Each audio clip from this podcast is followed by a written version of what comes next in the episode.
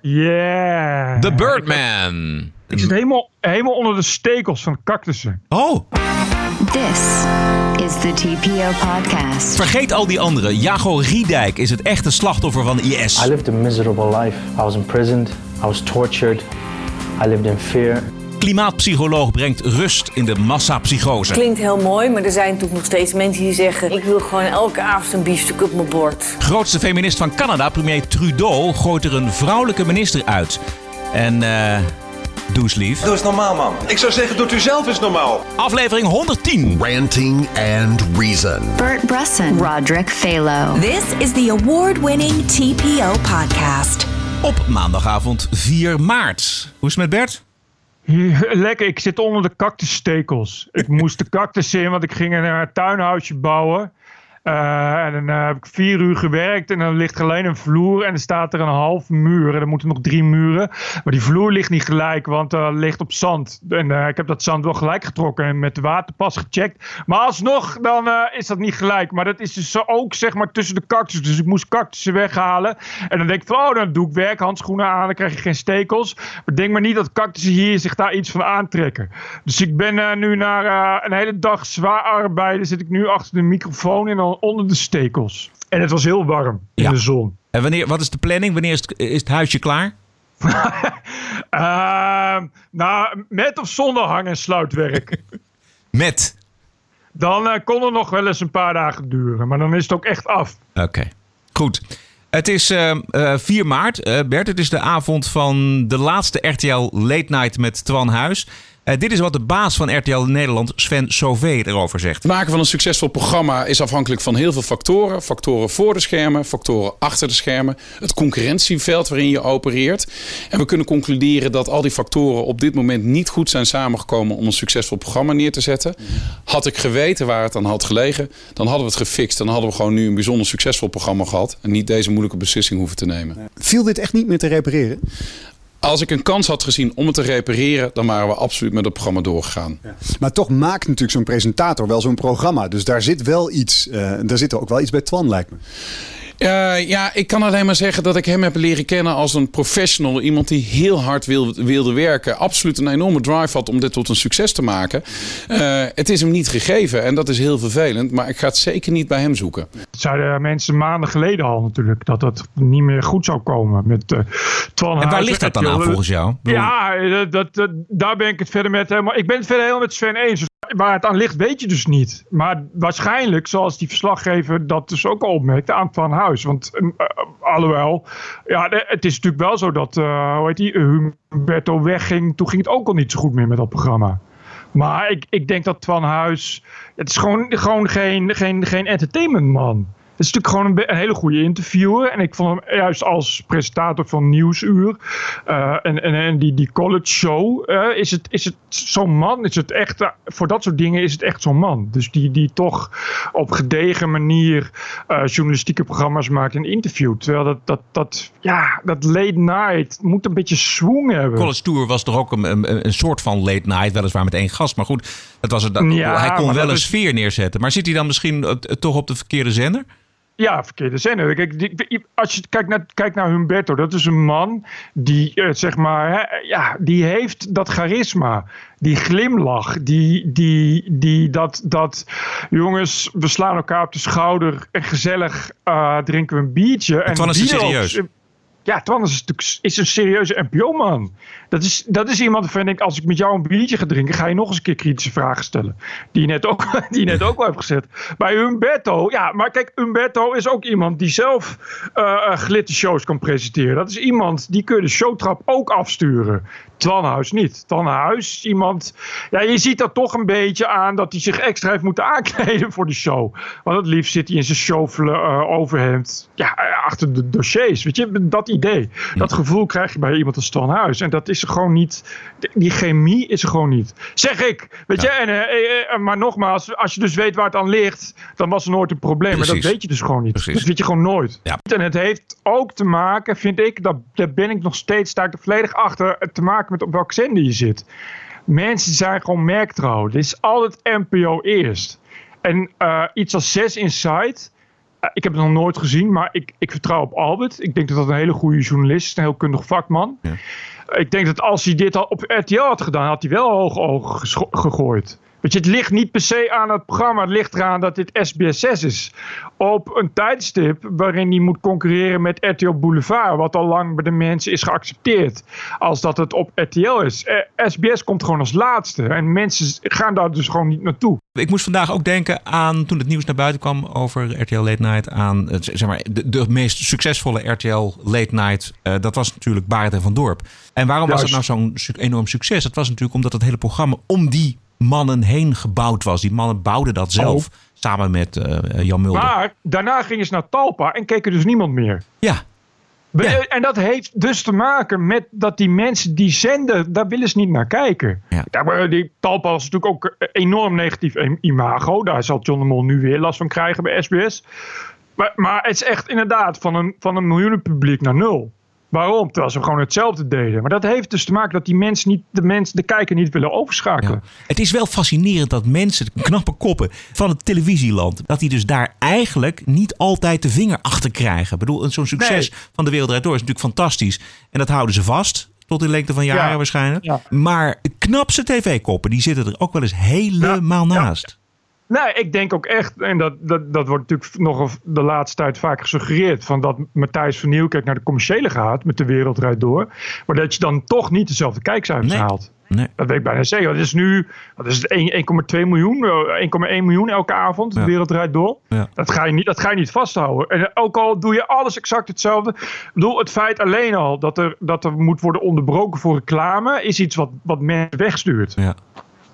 Plus en verder, ja, wat je zegt, je kan het niet voorspellen. Konden ze dat maar dan? Nee. Dat, dat zou elke zender eh, eh, eh, goudgeld eh, gaan verdienen. Daarom is het zo Het is ontzettend moeilijk om een zender op te bouwen. Weet je wat? Daarom is het zo ontzettend moeilijk wat John de Mol nu gaat doen met Precies. SBS en met Veronica. Het is een X-factor die, die gewoon niet, voor, die, die niet voorspelbaar is, nooit. Goed, we gaan eh, naar het buitenland. Eh, dit is het geluid van de laatste benen van Islamitische Staat in het oosten van Syrië. Eh, de genadeklap komt van de Amerikaanse luchtmacht en de Koerdische helden. Ja, oei, oei, oei, oei. Alle nog levende beulen van eh, de moordmachine IS... die mogen hun eh, jankverhaal afsteken in de media. Nieuwste parel aan deze ketting is de Arnhemmer Jago Riedijk. Of course, I understand that many people have a problem with what I did, and I, I totally understand that. I have to take responsibility for what I did, serve my sentence. What can I say? I lived a miserable life. I was imprisoned. I was tortured. I lived in fear. Uh, it was my own fault for going, yeah, but I'm not. I didn't come out of it as a winner.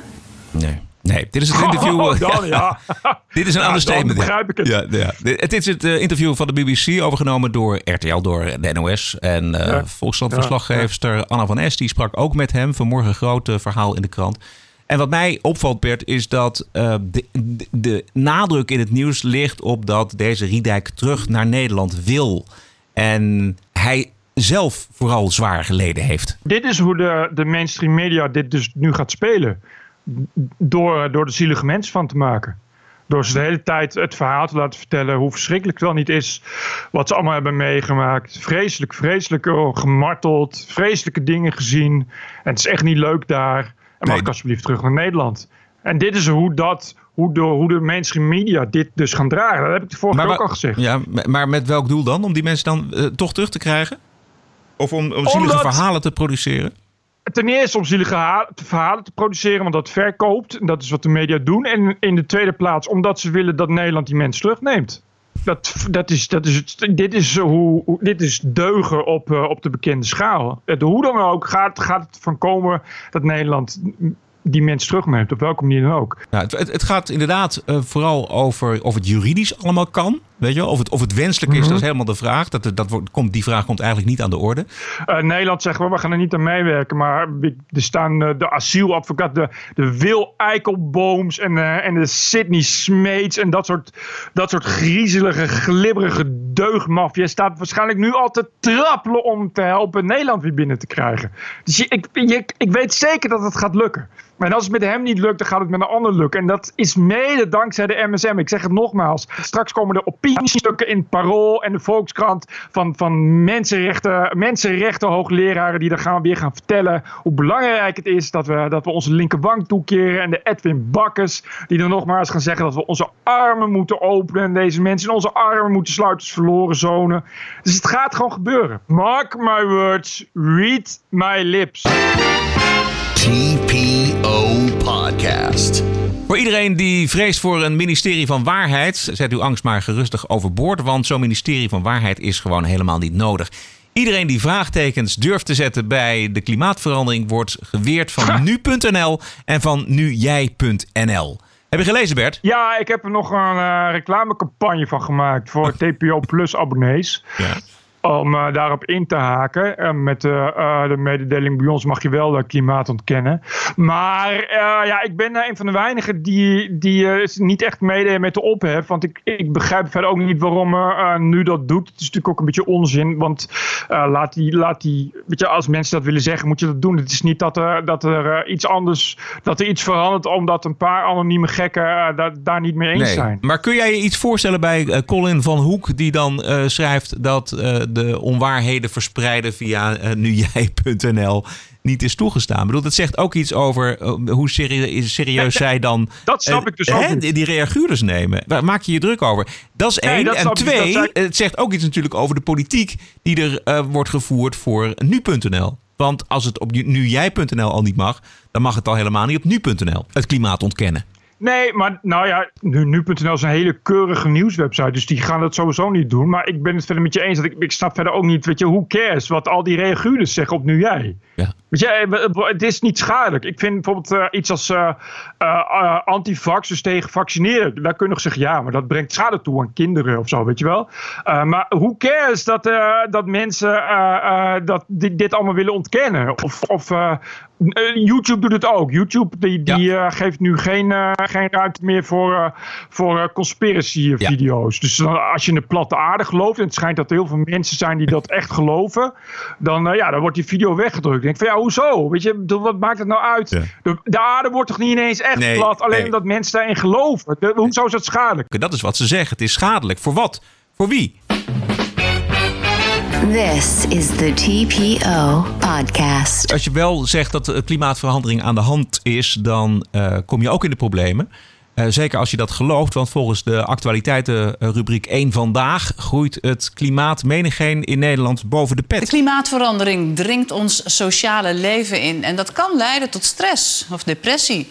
Workshops bieden nu uitkomst bij klimaatpaniek. Dus zijn er tegenwoordig workshops onder leiding van klimaatpsychologen die hulp bieden bij klimaatstress. Het hebben jullie nog hoop? Want als je natuurlijk echt de, de, de, berichtgeving over de klimaatverandering goed volgt, dan kun je ook vrij hopeloos worden. Ja. Kijk, er zijn, er zijn sombere dagen en er zijn optimistische dagen. Op het moment dat ik 15.000 scholieren zie opstaan, dan denk ik van nou, daar gaat echt iets gebeuren. Er komt een nieuwe frisse winter, daar krijg ik hartstikke veel hoop van. En hoop is overal om ons heen aanwezig. Maar er zijn natuurlijk ook de dagen dat je, dat je denkt, nou het klimaatakkoord trekken we toch maar over de kerst heen. En Nederland is maar een klein landje. Aha, aha. Ja.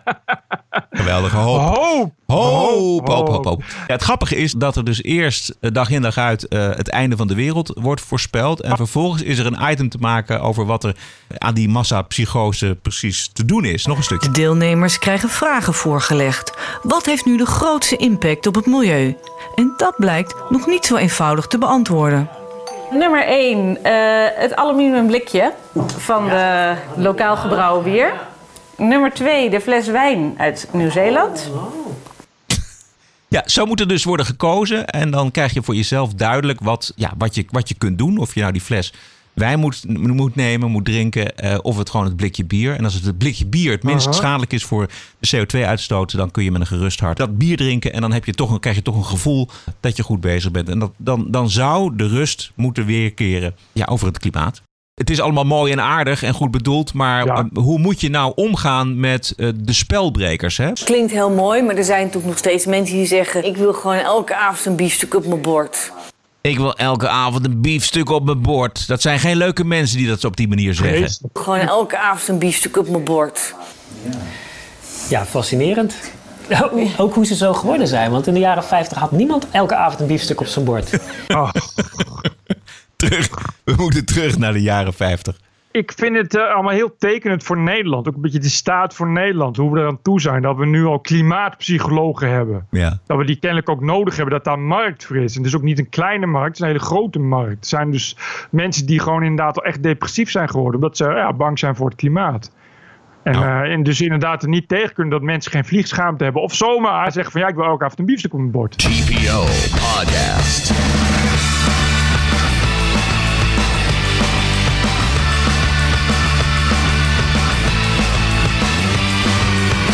Ranting and Reason. 146.571 scheldtweets met het woord Ah. kanker in 2018. Vandaag werd er een nieuwe zin geïntroduceerd. Doe lief. Dankjewel. De campagne heet eh Does Lief. En hij gaat erover dat Sieren eh, mensen op onaardig gedrag eh, wil aanspreken. We weten dat 73% van de weginspecteurs regelmatig de, mid- de, de middelvinger krijgt. Maar bijvoorbeeld ook 8% van het OV-personeel wordt bespuugd. Nou, dat zijn natuurlijk wel cijfers en feiten om niet eh, heel erg blij van te worden. Er is niets waar ik zo'n hekel aan heb als sieren. Ik vind echt, bij sieren, ja, dat, dat, dat noopt gewoon, of dat dwingt mij toch om eh, nog meer te gaan schelden, om nog kwetsender te worden. Want ik kan daar niks waarom? aan doen. Hoe, wat is dat? Is het het toontje? Is het eh, de Ah, gebiedende wijs is- waarin alles gaat? Ja, alles. Dit zijn eh reclame mensen en marketing- en communicatiemensen, zogenaamde Marcom mensen. Nou, de, de, de afkorting zegt het al een beetje hoe erg dat is. Een verschrikkelijk soort mensen dat hun hele leven niets anders gedaan heeft dan eh, reclame maken. Wat dus hetzelfde is als zoveel mogelijk liegen en mensen verleiden iets te kopen wat ze niet willen hebben. Eh, dan krijg je dus een beetje een zwarte ziel. Maar ja, de mensen die in de reclame en marketing werken, zijn ook een beetje narcistisch. Dus die willen dan toch een beetje hun ego en hun status verhogen. Want in de reclamewereld draait het vooral om ego en status. Dus hebben ze sieren uitgevonden. Mensen die heel lang in de reclame hebben gewerkt, kunnen nu iets goeds doen voor de wereld. Ja. Ideële reclame. Ja.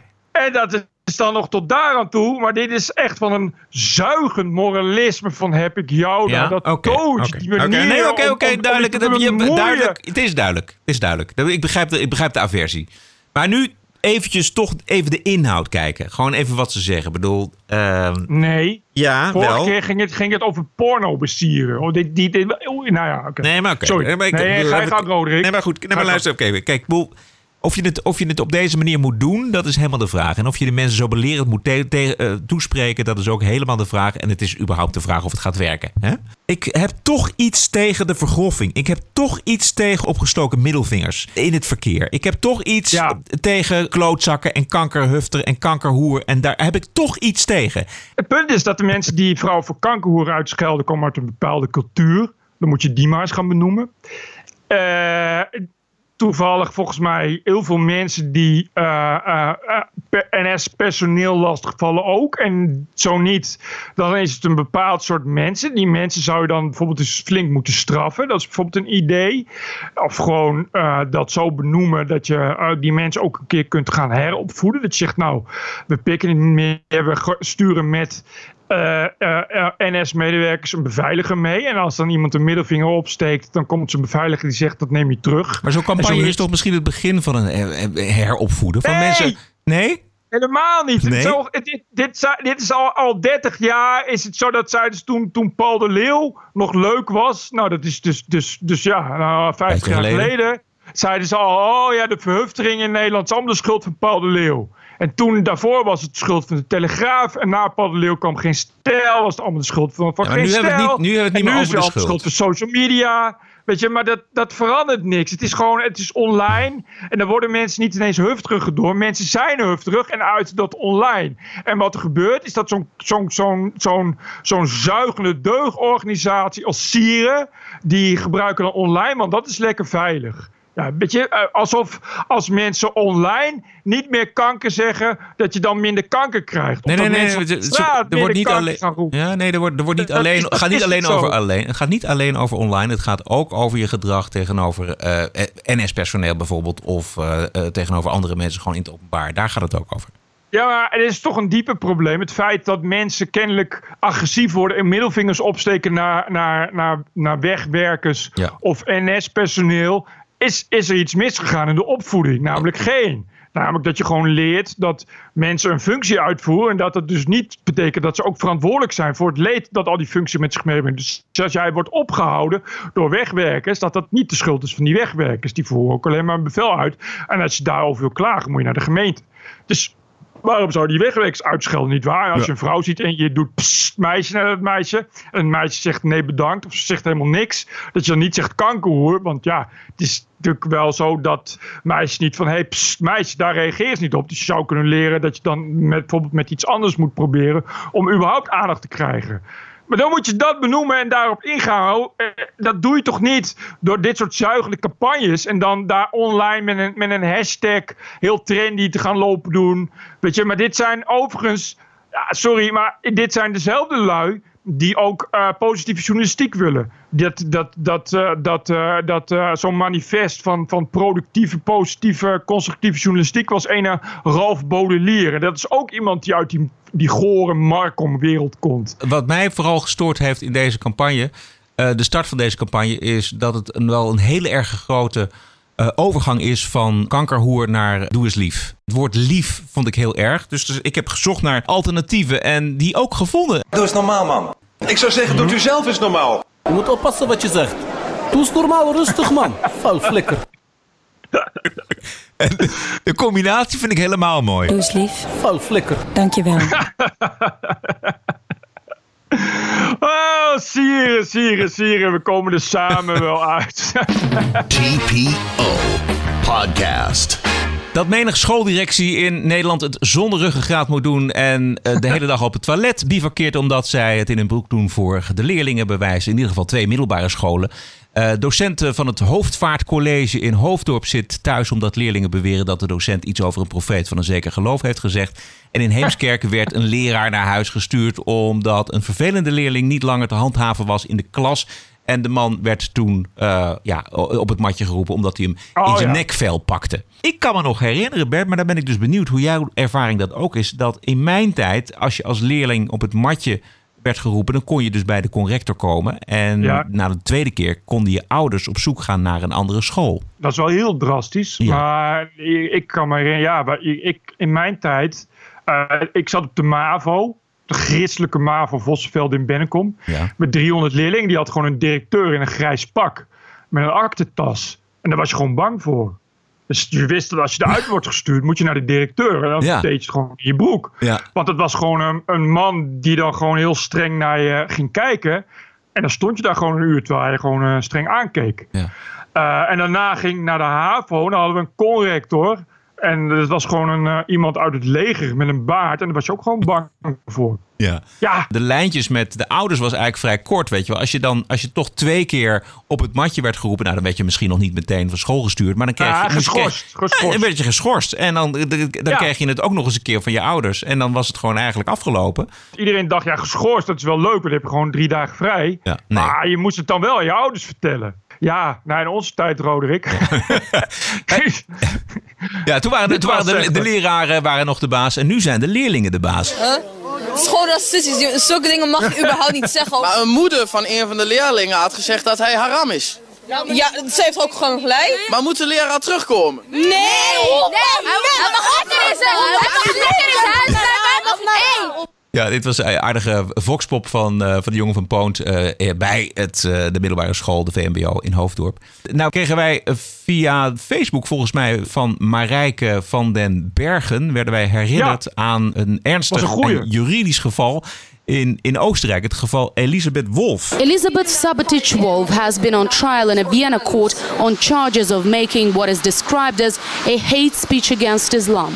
A left wing Austrian magazine recorded and published a speech at one of her seminars, landing her in court.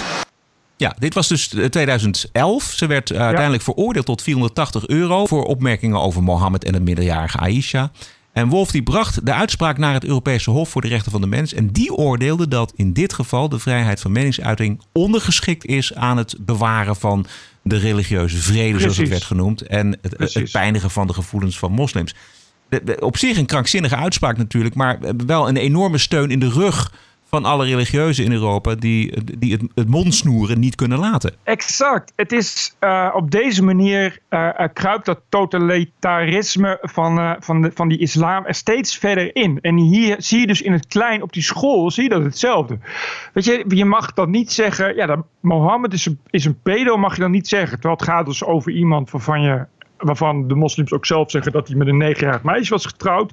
Dus het is dan toch wel vrij feitelijk. Ja, dat mag niet. En zo'n school gaat er dan niet mee, omdat die dus ook zeggen, ja, maar dan kwets je te veel religieuze gevoelens. En dat is belangrijker dan jouw feitelijkheden, feitelijkheden die jij wil vertellen via de vrijheid van meningsuiting. Nou, het is nog erger, Bert, want eh, deze man heeft het waarschijnlijk niet eens gezegd. Althans, hij ontkent het. Dus het Ja. is van hearsay. Dus eh, de, de schooldirectie die, die gelooft de leerlingen eerder dan ze de, de, de, de eigen leraar geloven. Want de leraar heeft gezegd, dit, hier ook in het openbaar, in een interview, volgens mij in de Precies. Volkskrant. Dit heb ik absoluut niet gezegd, want ik weet hoe gevoelig het is. Dus kom daar niet mee aan. Dat, dat soort dingen zeg ik niet. Maar uit een soort van voorzorg en angst denk ik dat de schooldirectie gekozen heeft voor eh, het verhaal van de Eh, leerlingen. Precies, precies. Dus je hebt een beetje, een klein beetje intimidatie en een klein beetje doorduwen met de wetenschap dat het Europese Hof van de Rechten van de Mens dat dus ook vindt. En dan win je dus. En zo kun je dat telkens net iets verder doorduwen. En zo rolt die islam net iets verder elke keer weer iets meer over onze vrijheden en vooral over onze vrijheid van meningsuiting heen. Dit is hoe het gaat. Dit is hoe het voorspeld is dat het zou gaan. En zo gaat het dus, inderdaad. En het is, maar ja, wat verwacht je? Eh, ik vond echt die uitspraak van in Oostenrijk, of, of- van het Hof, is, is, is schokkend. Is, is bizar. Is alles. De dat, dat is wat je net zei. Dat is dus letterlijk eh, iemands religie, gevoel voor religie is belangrijker dan jouw meningsuiting. Nou, daar zijn we, daar zijn we dus klaar. We hoeven ook niet meer het debat te voeren. Hè? Of, die, of die vrijheid van godsdienst in strijd is met artikel 1.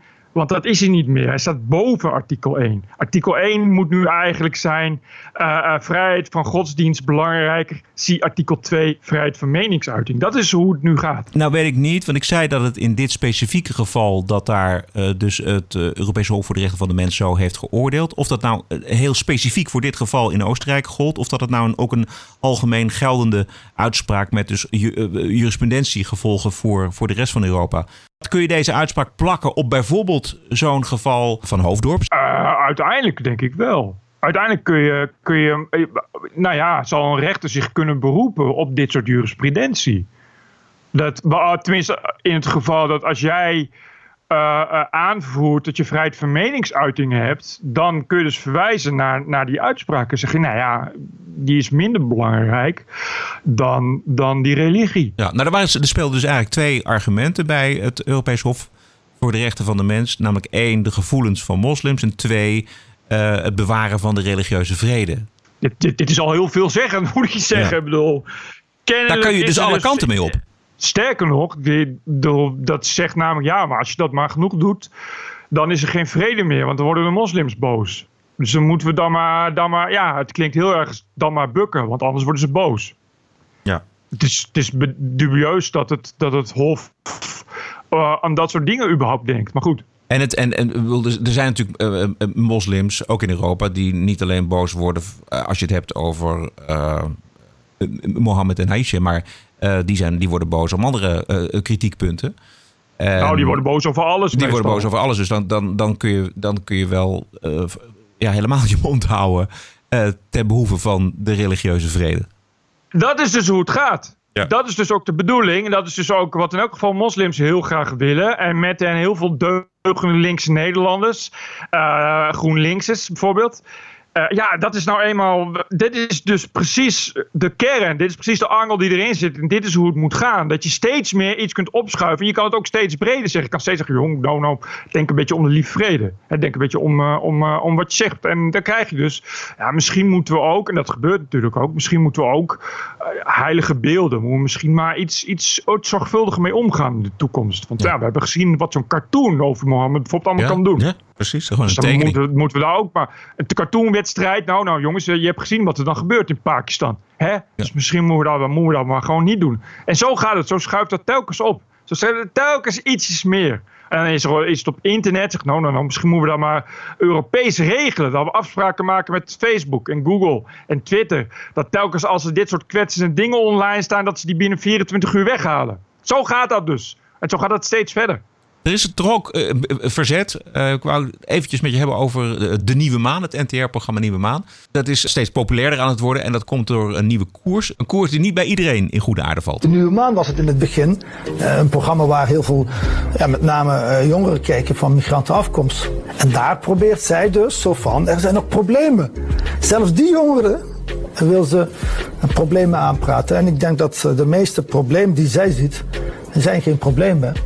Maar het zijn angsten eh, van een eh, groep mensen die de, de nieuwe samenleving, de multiculturele samenleving en de nieuwe Nederland willen niet willen accepteren. Ja, dit is een van de drie Tweede Kamerleden van de firma Denk. En, eh, Ik hoor het, ja. Ja, en eh, eh, hij heeft het over zij. En dan zij is dan de nieuwe presentator Fidan eh eh, van het programma. Ehm, haar aanpak is, is, is veel journalistieker. Op zoek naar Ja. waar het knelt, waar de problemen zitten. In plaats van, eh, kijk eens wat een geweldige integratie eh, we hebben in Nederland.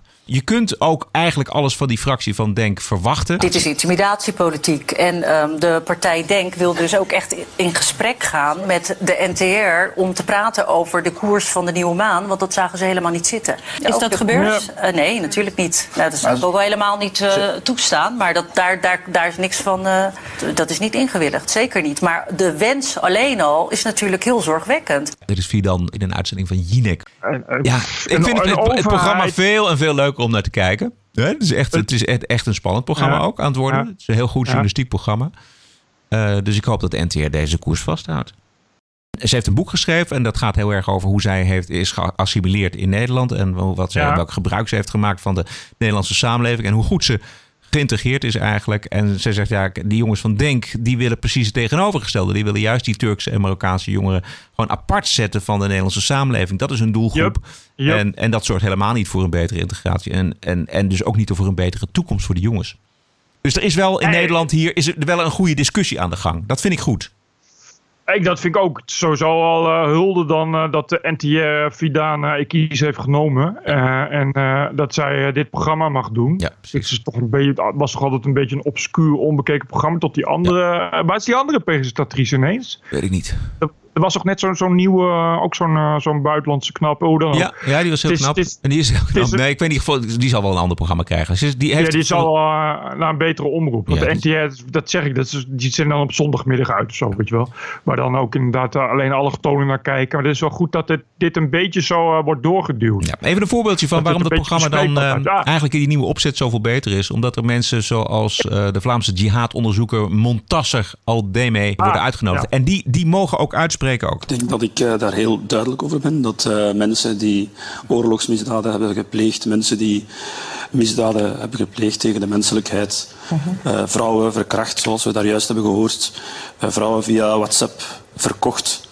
Eh, een meisje dat maagd was, kostte 5000 euro of dollar. Een vrouw die geen maagd meer is, 2000.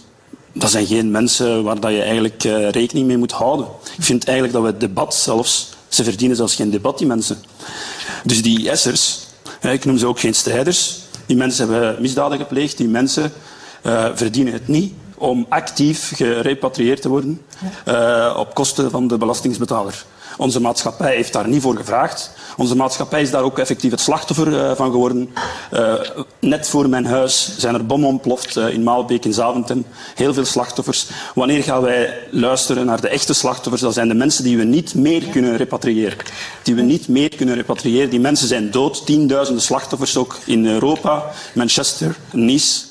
Eh, Brussel, Zaventem, overal hebben die mensen aanslagen gepleegd. En nog één punt, die mensen zijn nog niet klaar met ons. En we hebben gezien dat die mensen nog steeds aanwezig zijn. Die mensen zijn Juist. gevaarlijk, die mensen zijn actief. Ja. En die zijn bereid om acties te ondernemen om onze maatschappij te ondermijnen. Ja, Montasse ken ik, ja. ja. Toen is uit de media. Die gaat al een aantal jaar mee. en Die doet al een aantal jaar dit soort uitspraken. Meestal te vergeefs, zoals je begrijpt. Maar dit is duidelijke taal. Ja. En het is heel goed dat dit eh, eh, via de NPO alsnog eh, naar buiten kan komen. Ja. ja. En dat Weet komt je omdat het niet programma gewoon veel journalistieker geworden is dan, Ja. dan het was. Ja. Ja. Echt? ze, zitten, ze zijn een beetje. ja. Eh, ze zoeken de hele tijd debat in die, in die multiculturele samenleving. Ja. Ze hebben heel goed begrepen dat daar de hele tijd de pijnpunten zitten. En dan moet je daar het debat over uitgaan. En je ziet natuurlijk bij een hoop andere NPO-programma's dat het dan eh, toch maar weer lief doen voor de multiculturele samenleving. En dat doen ze niet. Zij zeggen gewoon van we halen die twee groepen telkens erbij. Ja. Dus, dus, maar de- dus ook, hè, dus ook eh, eh, de natie en, eh, en de radicaal en zo. En dan gaan we het daarover hebben. En dan kun je dus zelf ja, een keuze maken als kijker. Dan kun je zelf daar wat van leren. Dat zal toch wat zijn dat je tot debat, dat het op debat en gedachten komt. Maar goed, nee, het is goed dat Montasser dit soort dingen zegt. Ja, je kan ik niet ook. vaak genoeg horen. TPO Podcast. We gaan zo naar Amerika toe, maar ik heb nog één onderwerp. Het feit dat Nederland eh, in de praktijk eigenlijk niet gaat over welke asielzoekers hier blijven en welke teruggaan, betekent dat er ja, in feite natuurlijk geen sprake is van een asielbeleid. Eh, ook criminele asielzoekers die worden niet uitgezet en daarmee ondergraaft natuurlijk de overheid het draagvlak in de samenleving en de moraal van ook de werknemers in die asielopvang. De laatste tijd hebben wij dus een toevloed aan eh, mensen uit veilige landen, zoals Tunesië, Libië, Marokko, Algerije. En dit soort mensen uit Noord-Afrika, die hebben niks te verliezen. Ze kunnen proberen om asiel aan te vragen, maar die procedure die duurt waarschijnlijk 6, 7 maanden, dat weten ze. Ze zullen het zoveel mogelijk rekken. En dan komen ze hier en ze beginnen met eh, plunderen, ze beginnen met eh, diefstal. Medebewoners worden bedreigd, personeel eh, wordt bedreigd. Ja, deze man is eh, anoniem gemaakt. Dit is een reportage Ja. van, van Nieuwsuur. En daar komen de meest eh, gruwelijke feiten naar boven over Ja. hoe deze groep dus inderdaad niks te verliezen heeft en daar de boel kort en klein slaat. En wat mij opviel was dat zij aan tafel ook de nieuwe directeur van het COA hadden. Waarom worden die mensen niet uitgezet? Nou, dat is lastig. Omdat ze asiel aanvragen, hebben, hebben ze in principe recht op die procedure. En Dan moet er gekeken worden naar, eh, naar hun achtergrond. En naar de vraag of ze ook een vergunning moeten krijgen. Dat duurt even. En al die tijd eh, zitten ze wel in de centra van het COA. En veroorza- veroorzaken ze overlast. En, en ik denk dat we daar echt naar moeten kijken. Of ze wel in die eh, opvang terecht moeten, eh, moeten komen. Of dat ze naar een andere plek, een andere opvanglocatie in Nederland moeten. Ja. En dat viel me dan weer zo ontzettend tegen. Want waarom, als je al weet dat dit kansloze asielzoekers zijn, als je weet dat er ehm, eh, crimineel gedrag is, dat zijn de regels waarom die mensen niet hier mogen blijven. Die kunnen toch gewoon opgepakt worden en eh, teruggebracht worden naar waar ze vandaan kwamen? Dat laatste kan niet. Omdat Want? ze uit Noord-Afrikaanse landen komen, die werken niet mee. Da- dan moet er ja, toch wel eindelijk eens een keer gewoon vanuit de Europese Unie daar druk op komen te staan. Bovendien, we hebben een Marrakesh-akkoord getekend. Daarin zou dat soort overleg en terugnemen van, van kansloze asielzoekers beter geregeld zijn. Nou, boter bij de vis, zou ik zeggen. Ik snap, ik snap ook niet waarom dit soort mensen zo lang in, in asiel eh, AZC's kunnen Het gaat verblijven. ook, het, precies, het gaat, het gaat om Het prioriteiten stellen. Als, je, als, de, als Europa dit belangrijk vindt, als Nederland dit echt belangrijk vindt, dat zouden ze belangrijk moeten vinden. Je kunt, het, je kunt het niet zomaar laten. Dit is gewoon crimineel tuig.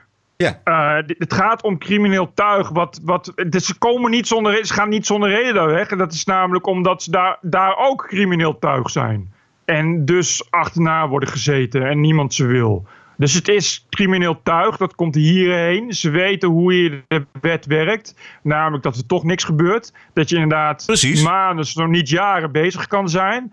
En ze hebben dus inderdaad niks te verliezen. Want het is crimineel tuig wat in eigen land ook wordt opgejaagd. Dus weet je, eh, ze kunnen doen wat ze willen. Het is, het is, het is echt godsgeklaagd dat het allemaal zomaar kan. En ja, dan moet je op een gegeven moment, volgens mij, moet je hier uitzonderingen gaan maken. In de wet moet je daar mogelijkheden voor gaan creëren. En moet je ook de mogelijkheden hebben om alleen al bij de selectie te zeggen... Ja, sorry, je komt uit Noord-Afrika. Precies. Ja. dit gaan we niet doen. Dat het kabinet hier geen prioriteit van maakt, dat de Tweede Kamer hier geen prioriteit van maakt, vind ik onbestaanbaar. Eh, Je, je hoort net die, die baas van het COA dus dat zeggen. Ja, op het moment dat we iets gaan doen, moet het, moet, dat is, het is een wet, een regel, moet er ook worden gekeken of ze niet misschien recht hebben op een vergunning, et cetera, et cetera. En dan kun je ze maar op een bepaalde manier eh, eh, behandelen, omdat als je ze anders behandelt, is het mens onwaardig behandelen. Dan krijg je dus weer het Europese Hof van de Mensenrechten, waar we het net ook over hadden. Die gaat zeggen, ja, mag niet. Ja, dit, dit is een onhoudbare Ja, ja, situatie, Bert. Dit- dit- Natuurlijk is het een onhoudbare situatie. Dit is de manier waarop, als je van heel alle Europese lidstaten een soort, soort nieuw Hongarije wil maken, moet je hiermee doorgaan.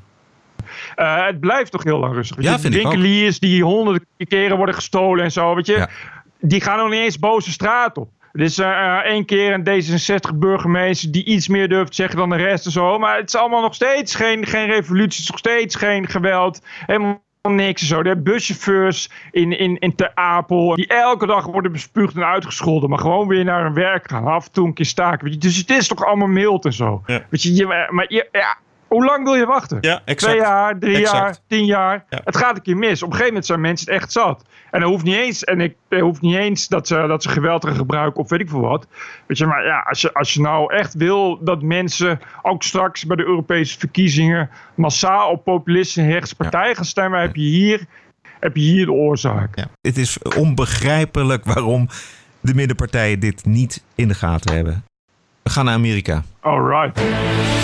This is CNN breaking news. Donald Trump is not going to be president of the United States. Welcome to Morning Joe. Mr. President, if there is no collusion. The government shutdown is now in week four. Today was not just like a normal stormy day in the news. This is not just my opinion. TPO Podcast. This is evidence. Ja, we kijken zo meteen nog eventjes terug toch naar het eh, Korea-debakel en naar Michael Cohen eh, voor Trump. Maar eerst eventjes naar Canada, Bert. Want er zijn eh, sterke Ah. verdenkingen dat eh, de zelfverklaard feminist en premier Justin Trudeau, de minister van Justitie, een vrouw, eh, heeft eh, gedreigd met ontslag om een bouw- en ingenieursonderneming niet te vervolgen wegens corruptie. Nou, het belang van Trudeau zou zijn dat het bedrijf in zijn kiesdistrict Montreal ligt. Onderneming lijkt met vertrek te dreigen als de rechtszaak er komt. En dat zou dan duizenden banen kosten en Trudeau zijn herverkiezing. De minister van Justitie is inmiddels ontslagen. I experienced a consistent and sustained effort by many people within the government to seek to politically interfere in the exercise of prosecutorial discretion in my role as the Attorney General of Canada in an inappropriate effort to secure a deferred prosecution agreement with SNC Lavalin. Ja, het is een Canadees bedrijf en er zouden miljoenen aan steekpenningen betaald zijn aan Libië toen Gaddafi daar nog de baas was. En deze minister, eh, ex-minister van Justitie, die wilde daar een zaak van maken. En zij is dus Mhm. door Trudeau eh, tegengehouden met uit- uiteindelijk het, het gevolg eh, haar ontslag. Lekker progressief zeg. Ja. Tolerant en feministisch ook. Ja, nou ja, ik heb er ook over gelezen. Ik, wat je zegt, er wordt opvallend weinig over bericht. Ik moet ook wel zeggen, omdat het moeilijk is. eh, ja, er is heel weinig bekend, maar je- dit is waar. Ik bedoel, dit is gewoon die ex-minister zelf. Dus het lijkt me dat toch wel relevant om dat dan te melden. Dat er een ex-minister naar buiten komt en dit soort dingen zegt. Ja, precies. Ik begrijp vanuit het Trudeau-kamp dat ze zeggen dat er niet zo heel veel aan de hand is. Maar ik begrijp van het andere kamp dat het wel eens eh, lastig kan worden inderdaad met de herverkiezingen sowieso. Als het niet al erger wordt. Want ja, je kan natuurlijk op je vingers natellen dat als het zo is... Dat als het zo is, dat het dan uiteindelijk zelfs zijn kop kan kosten. Nou ja, dat, precies. Ik begrijp dat dat nog niet, nog niet in het spel is. Maar dat hij wel eh, eh, ja, eh, qua, qua peilingen eh, al 50-50 staat met, eh, met de rest. En eh, dat was eigenlijk al niet ge- ingecalculeerd ook. Exact. De oppositie ruikt bloed. 21 oktober, dat is nog best Juist. ver weg, zijn er verkiezingen. Like many of you, I listened carefully to the testimony of the former Attorney General. And like you, I was sickened and appalled by her story of inappropriate and frankly bordering on illegal pressure brought to bear on her by the highest officials of Justin Trudeau's government. All to let a liberal connected corporation off the hook on serious corruption charges. Justin Trudeau simply cannot continue to govern this country now that Canadians know what he has done. And that is why I am calling on Mr. Trudeau to do the right thing and to resign. Ja, dat zal niet gebeuren, onmiddellijk. Dat zal niet gebeuren. Maar dit is wel een hele lastige case, ja? Wat las jij? Dat, dat ze eh, in Canada vervroegde verkiezingen kunnen uitschrijven. Aha. Bij, eh, zeg maar, eh, eh, bij machten van, van de premier. Dus dat hij kan zeggen, morgen vervroegde verkiezingen. Dus, dus er zitten geen regels aan. De oppositie Ja. maakt hier een heel, heel groot nummer van. En we, we gaan het even afwachten wat er van komt. En ik hoop dat, dat ook de Nederlandse media wat, wat, wat ruimhartiger zijn in het berichten over deze gang van zaken. Want het is natuurlijk heel vreemd dat deze Trudeau, die zo een fan van vrouwen is en zichzelf feminist noemt, een, een, een vrouwelijke minister eh, om onduidelijke redenen ontslaat. Kan nog een hoop prut naar boven komen. Nou, eens lief, Trudeau. Eh, we kijken ook nog eventjes naar de mislukte Korea-top in Vietnam. Kim Jong-un die was van tevoren toch best optimistisch. Chairman Kim, are you ready to denuclearize? 지금 없다면 여기 오지 않았을 겁니다. If I'm not willing to do that, I won't be here right now. That's a good answer. Wow, that might be the best answer you've ever heard. Ja, en toch is hij mislukt, de top. We spent pretty much all day with uh, Kim Jong Un, who is uh, he's quite a guy and quite a character, and uh, I think our relationship is very strong. But at this time, we had some options, and at this time, we decided not to do any of the options. Basically, uh, they wanted the sanctions lifted in their entirety, and we couldn't do that. They were willing to denuke a large portion of the areas that we wanted, but we couldn't give up all of the sanctions for that.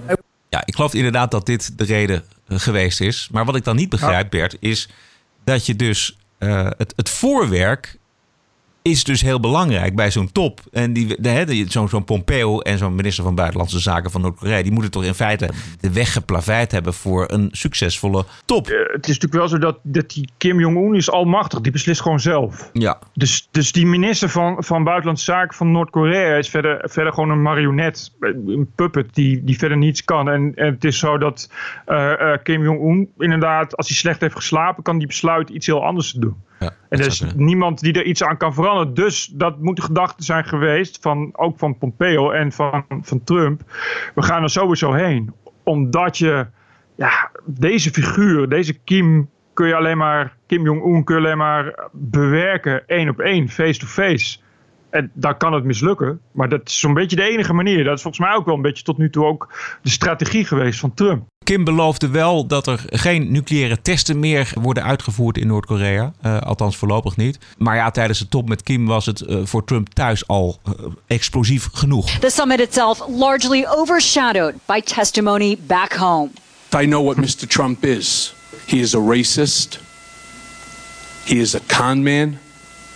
And he is a cheat. Explosive allegations by Trump's longtime lawyer and fixer Michael Cohen. Explosive allegations. Ja, dit was inderdaad Michael Cohen. Eh, nou, Bert, we hebben, het, we hebben het al eerder over gehad eh, de- deze week. Het werd natuurlijk één grote sof. Eh, deze Michael Cohen die had eh, al eens onder ede gelogen voor deze commissie. Dus ja, Ik wou net zeggen. waarom zou je hem nu wel geloven? Precies. En CNN die betrapte hem zelfs deze keer tenminste op één leugen. How long did you work in the White House? I never worked in the White House. That's the point, isn't it, Mr. Cohen? No, sir. Yes, it is. No, it's not, sir. You wanted to work in the White House. No, sir. You didn't get brought to the dance. Sir. And now, I was extremely proud to be personal attorney to the President of the United States of America. I did not want to go to the White House. I was offered jobs. I can tell you a story of Mr. Trump reaming out Reince Priebus. And I I think the issue there is that one sentence. I did not want to go Yeah. to the White House. Uh, all of our reporting suggests that's not true. Ja. Dus ja, het was niks. Het is al pijnlijk als je zelfs door CNN wordt ontmaskerd. Ja. Ten opzichte van Trump. Ik bedoel, ik, ik hoor hier CNN die eigenlijk Michael Cohen nog erger vindt dan Trump. Je nog wat anders? Eh, anders zijn we eh, terechtgekomen op het, aan het eind van, van deze show. TPO Podcast. Nou, eh, nou, ik wil dan even de, de donateurs bedanken. hey, dat is een goed idee. Zonder deze mensen zouden we het niet kunnen. En dit is een hele kleine selectie van een hele grote groep luisteraars. Eh, en van deze mensen moet je het hebben. Van die kleine, minimale percentage van mensen die begrijpen hoe waardevol iets is en dat dan dus ook uitdrukken. Eh, en om deze mensen te bedanken, ga ik, eh, het zijn er 39, ga ik alle deze mensen, alle 39 mensen ga ik even noemen. En dit zijn 39 Ja. mensen van de afgelopen maand of van de afgelopen week? Dit zijn, dit zijn mensen die zich de afgelopen maanden eh, hebben aangesloten op, bij Patreon. En dus daar, eh, via dat platform Patreon ons eh, elke maand geld, automatisch geld doneren. Alwin Buskers, Andreas Vos, Andreas Winters, Arnoeska, Wandy Bea, Bossenbroek, Kees Mildijk, Daniel Walraven, David Schipper, DJ Brissan, Dirk Beija, Don Dagenbos, Douwer, Frank Beje, Herbert Schurrian, Ingrid Nijhout, Jan Bet, Melissen, Jeffrey Beerlinks, Jeroen Lucas, Jesse Donders, John Patrick Nijkamp, Josephine Dracht, Julie Blik, Laurens Boekaert, Maarten Weehuizen, Marcel Eikenaar, Marco van Gent, Mannix Laurens, Martijn Verstegen, Michael Sonius, Pascal, Celie Paul Schone, Paul van Kordelaar, Robert Beetsma, Rogier, Roland W, Ruben Zandstra, Twan, Willem-Jan Hilderink. Die is, eh, stuurt ons elke dag eh, vervelende dingen door via WhatsApp. Eh, dat is een ginger. En Edwin Rasser. Geweldig!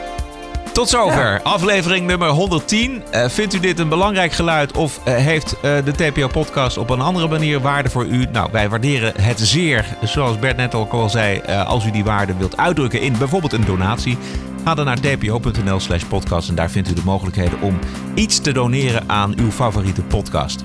Wij zijn terug, Bert. 12 maart. Dat is dinsdag 12 maart. Heb een mooie week en tot dinsdag. Eh, doe eens lief. TPO Podcast. Bert Bruson, Roderick Balo, Ranting and Reason.